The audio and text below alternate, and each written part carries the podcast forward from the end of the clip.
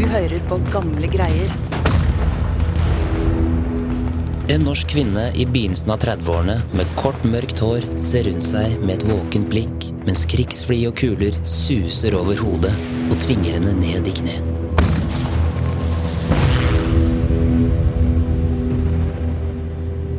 Hun kommer seg på alle fire og kryper så fort hun kan mot trygghet i skyttergraven like ved. I et stille øyeblikk stakk jeg nesen oppover skyttergravkanten og så fiendens tanks et par hundre meter borte. To og to forsøkte de å komme oppover mot oss. Gerda kunne vært hjemme i Norge med sine to barn og ledd et trygt liv som husmor. I stedet er hun her, midt i den spanske borgerkrigen. Med penn og kamera som våpen risikerer hun livet som krigskorrespondent. Europa var i dyp krise. Mange fryktet kontinentet var på randen av en ny verdenskrig, og at kampen i Spania ville avgjøre alt. Hvordan havnet den unge kvinnen fra en rik skipsrederfamilie her? I dette helvete?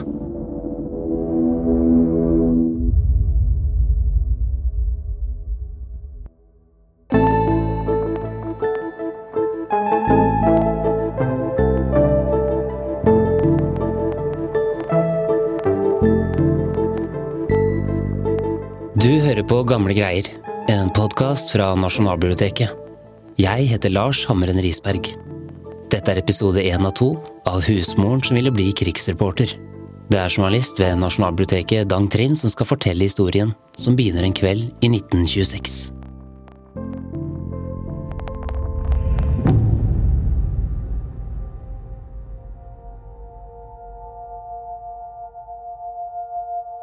Det duse lyset fra en oljelampe beveget en penn seg raskt over et papir.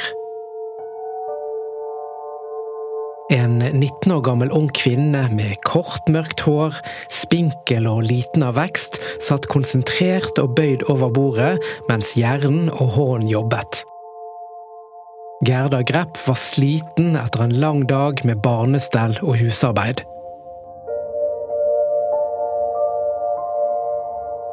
Men med ren viljestyrke dyttet hun trøttheten til side. Når Gerda skrev historier og brukte hodet til å forme setninger, følte hun nok at hun gjorde noe meningsfullt. Det var også et avbrekk i en monoton hverdag, for livet det bestod av bleieskift, amming, matlaging. Det var det samme hver dag. Gerda hadde giftet seg tidlig. Den eventyrlystne unge kvinnen hadde reist ut i verden, og det hadde ikke tatt lang tid før hun møtte Mario, en italiensk mann. De ble stormforelsket, og Gerda ble raskt gravid. Ekteparet fikk en sønn, og bare to år etter kom det et barn til. En datter. Men idyllen slo snart sprekker. Ektemannen var bortreist i lange perioder, og livet som husmor var ikke så givende for Gerda. For helt siden barndommen hadde hun hatt store ambisjoner og sterk vilje.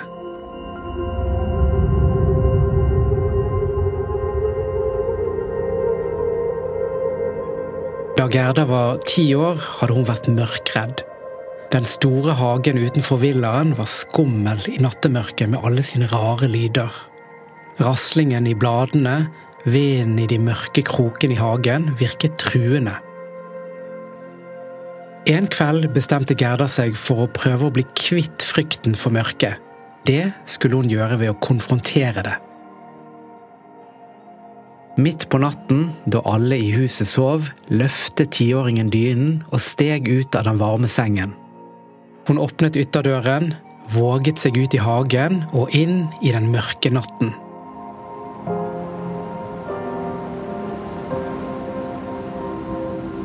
Gerda gikk fram og tilbake i hagen.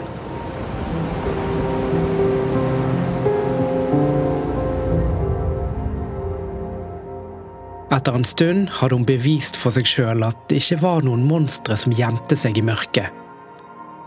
Med ren viljestyrke hadde hun kvittet seg med frykten for mørket.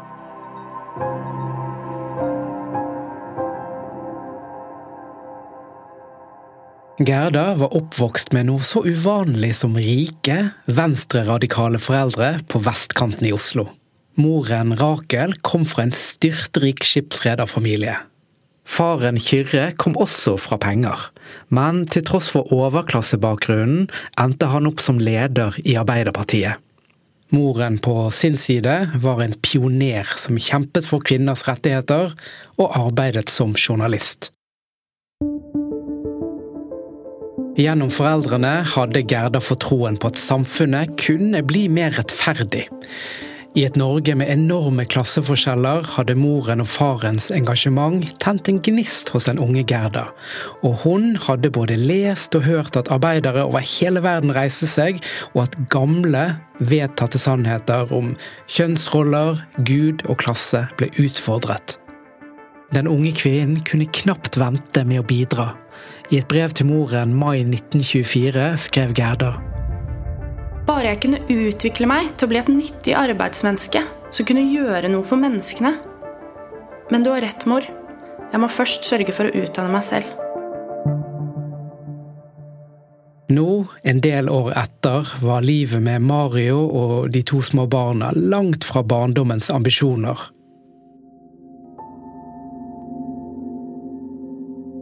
Mens Gerda utførte de monotone oppgavene i hjemmet, begynte det å forme seg en idé hos henne. Hun ble etter hvert fast bestemt på å skape seg en karriere. Målet var å bli journalist.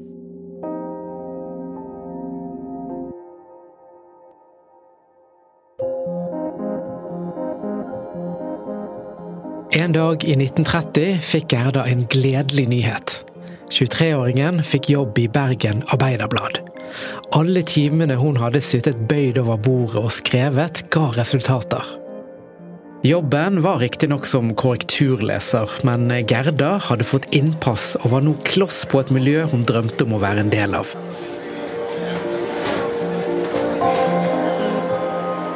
Fysisk sett var Gerda liten.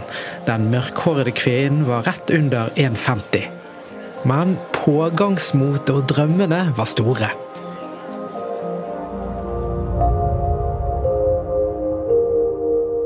Gerda ville være en del av journalistene som engasjert diskuterte nyhetssaker og skrev om ting folk på gaten snakket om, og kanskje til og med gjøre verden et bedre sted ved å fortelle viktige historier.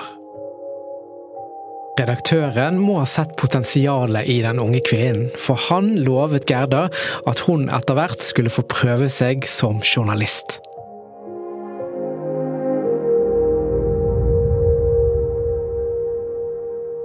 Det var spesielt ett tema Gerda var glødende opptatt av. Kampen mot fascismen. Både i Italia og Tyskland hadde det vokst fram sterke autoritære bevegelser som var aggressivt nasjonalistiske. Dette sto i kontrast til venstresiden og arbeiderbevegelsen som Gerda tilhørte. Hun visste at de politiske skillelinjene var sterke og konfliktnivået høyt, også i Norge, for flere på høyresiden her hjemme fryktet Sovjetunionen.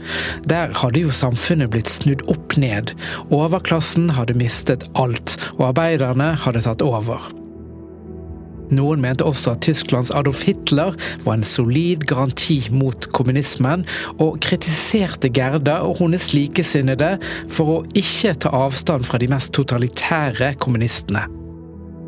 Med dette bakteppet fryktet Gerda at Europa skulle bli sentrum for en ny verdenskrig, og at kontinentet ville eksplodere i et flammehav.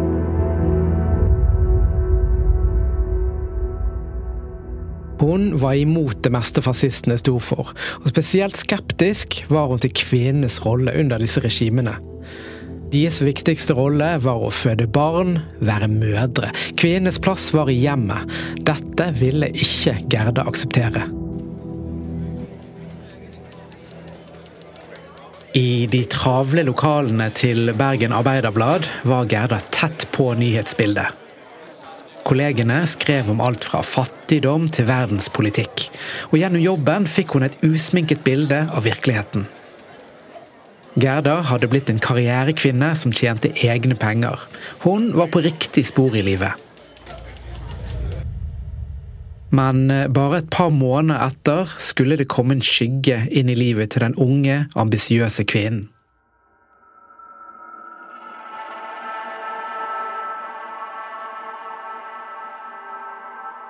En dag da Gerda skulle se til sin to år gamle datter, kjentes den lille jenten uvanlig varm.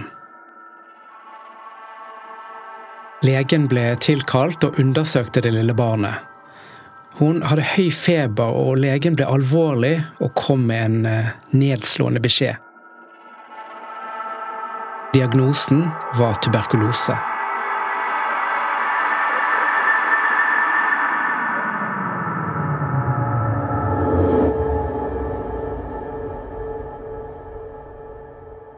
Veldig raskt gikk utviklingen feil vei.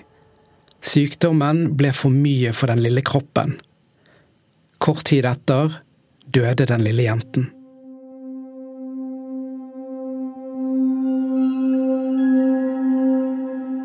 Midt i sorgen kom enda en nedslående beskjed.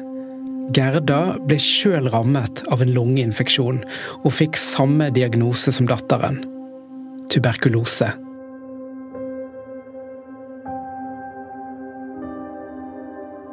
Alvor bredte seg over den unge kvinnen. Hun hadde så vidt begynt på voksenlivet, og nå sa legen at hun var syk. Gerda visste at dette var en veldig alvorlig sykdom.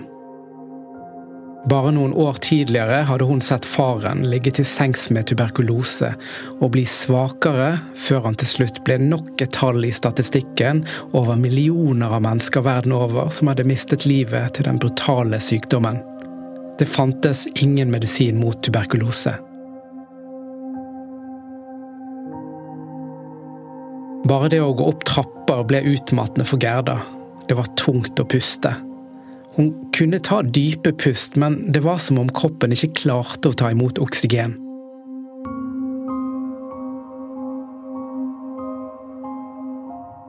Beskjeden fra legen var at lungekapasiteten var redusert.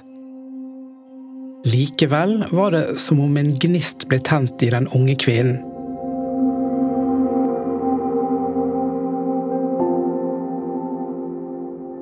En enorm indre styrke vokste fram hos henne. I et brev til en venn delte hun en frase hun gjentok for seg sjøl igjen og igjen når hun ville gi seg sjøl styrke. Nå, Gerda. Nå må du vise hvem du er. Om du er dette livet verdig, eller om du bare er en dukke for de gode dagene. Gerda nektet å la tuberkulosen knekke henne. Hun tok inn på et sanatorium i Asker, der hun fikk mye hvile, riktig kosthold og frisk luft. Etter hvert ble Gerda bedre, og som mange andre klarte hun å leve greit med sykdommen.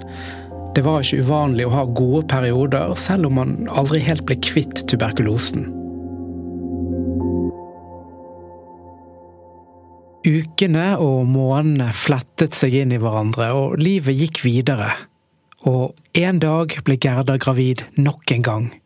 Men i kjølvannet av fødselen fikk hun tid til å tenke over livet sitt. Hun var ung og hadde framtiden foran seg, men hun var ikke helt fornøyd med ekteskapet som hadde skrantet over lengre tid. Nå tok hun et alvorsord med Mario. Gerda ønsket å skille seg. Ektemannen var enig, de varme følelsene var ikke der lenger. Gerda fikk det som hun ville. Men med ett var livet litt vanskeligere. Nå var hun alenemor til to små barn.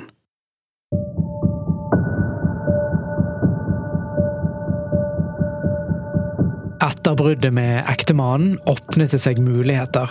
Gerda var fri til å forfølge drømmen som journalist. Men det var noe som holdt henne igjen. Hun var glad i barna, og der kjente hun nok på en sår konflikt. Skulle morsrollen holde henne tilbake?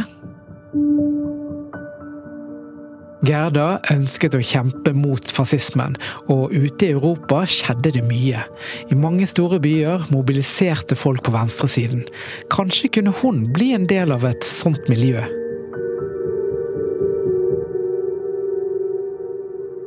Våren 1936 ble helsen en god del bedre, og Gerda tok et valg.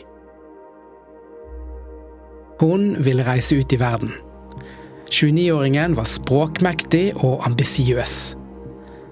Hun satte barna igjen hos moren, som villig tok på seg oppgaven fordi hun forsto hvor viktig karriere var for Gerda. Da avreisedagen kom, skar det i Gerdas mors hjerte.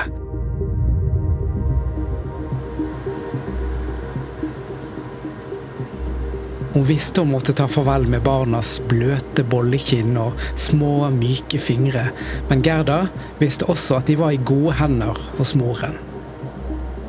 Like etter gikk den unge kvinnen om bord på et tog med kurs sørover. Det grønne, norske landskapet blafret forbi togvinduet.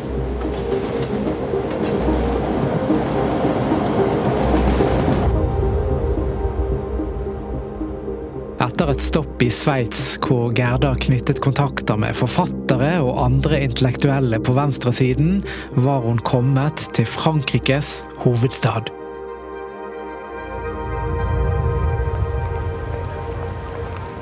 Hun fant seg et sted å bo.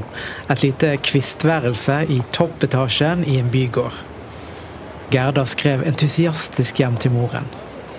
Nettopp her oppe er det en slik deilig luft, nesten høyfjell. Og ikke minst var byen full av politisk engasjerte folk som Gerda var kommet for å knytte kontakter med. Sosialister, kommunister og andre venstreorienterte fra mange land samlet seg i byen. På denne tiden kunne man høre spesielt mye tysk rundt om i byen. Tusenvis av jøder og kommunister hadde strømmet til den franske hovedstaden etter at Hitler kom til makten i nabolandet. Med det ruvende Eiffeltårnet i bakgrunnen kunne Gerda møte likesinnede og diskutere tema hun virkelig brant for. Hvordan kunne man stoppe fascismen som bredte om seg i Europa?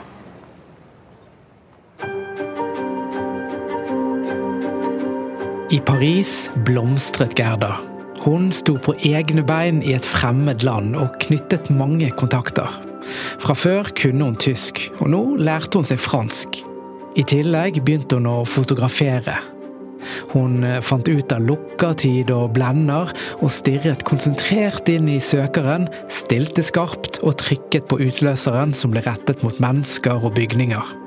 Hun visste at fotoapparatet ville komme godt med i journalistkarrieren hun drømte om.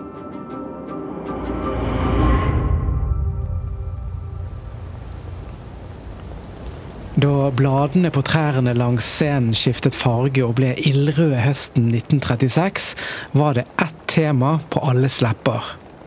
Morgenbladet 20.07.1936. Borgerkrig brutt ut i Spanien.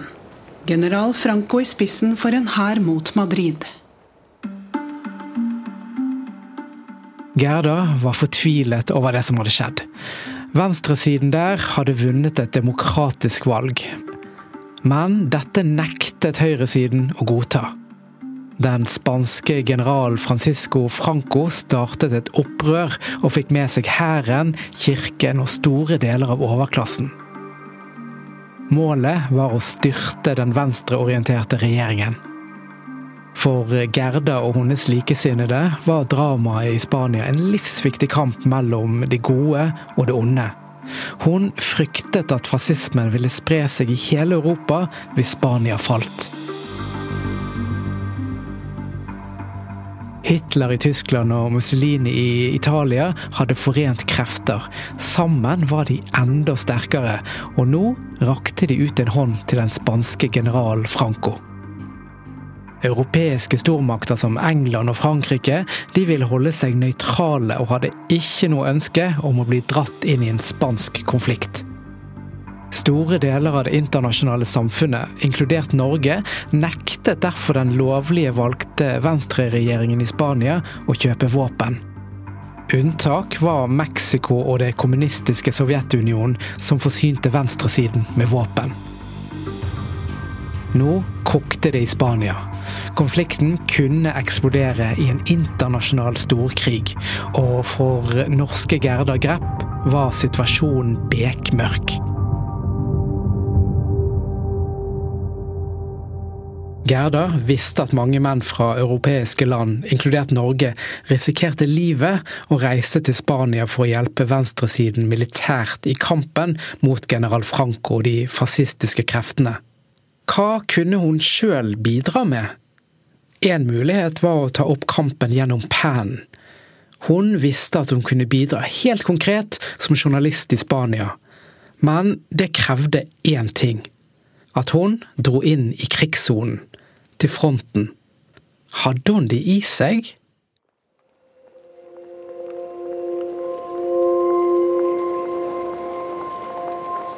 I Paris gikk Gerda rundt i gatene med hodet fullt av tanker. Å reise inn i en krigssone ville være livsfarlig, og hun visste at hun risikerte å aldri se de to barna sine igjen.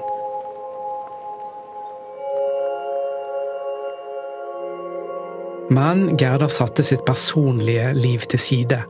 Oppveksten med de engasjerte foreldrene hadde lært hun at man måtte ofre noe for fellesskapet, og nå handlet det virkelig om noe stort og viktig. Gerda skrev hjem til moren i Norge.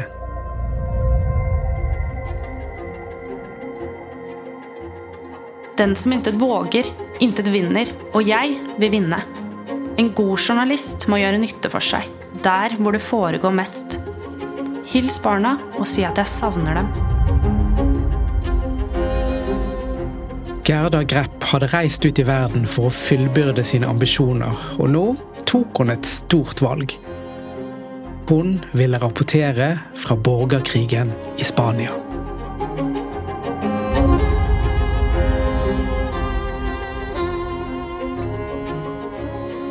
Da Gerda først hadde bestemt seg, gikk ting fort. Hun fikk på plass en ganske god avtale. Arbeiderbladet hjemme i Norge skulle ta imot rapporter, og i tillegg skulle hun levere til en svensk og dansk avis. Med kamera og skrivesaker i vesken og et internasjonalt pressekort i lommen var hun klar. Francos soldater var på vei mot hovedstaden Madrid. Det var også Gerda Grepp. Alle hun diskuterte med, visste at det var der det store slaget skulle stå.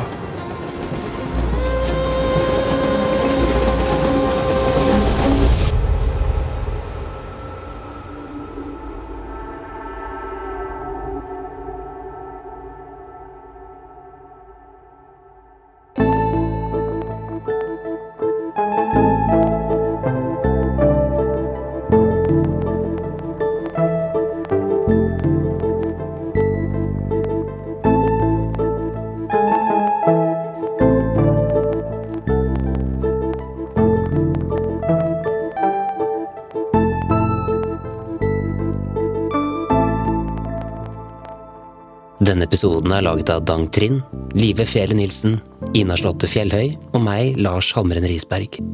Takk til Jostein Moen, medforfatter av boken 1000 dager Norge og den spanske borgerkrigen fra 1936 til 1939.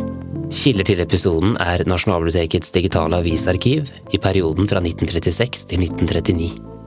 Bøkene ved fronten Gerda Grepp og den spanske borgerkrigen av Elisabeth Wisli. 1000 dager Norge og den spanske borgerkrigen fra 1936 til 1939 av Jostein Moen og Rolf Sæther. Røde hjerter, grepp, makt, kjærlighet og død av Tormod Valaker. Noen av sitatene er forkortet og moderniserte. De er lest av Ina Luna Gundersen og Anne Lise Lommerud. Musikken du hørte i denne episoden er fra Epidemic Sound og Therese Aune. Jeg heter Lars Hamren Risberg. På gjenhør.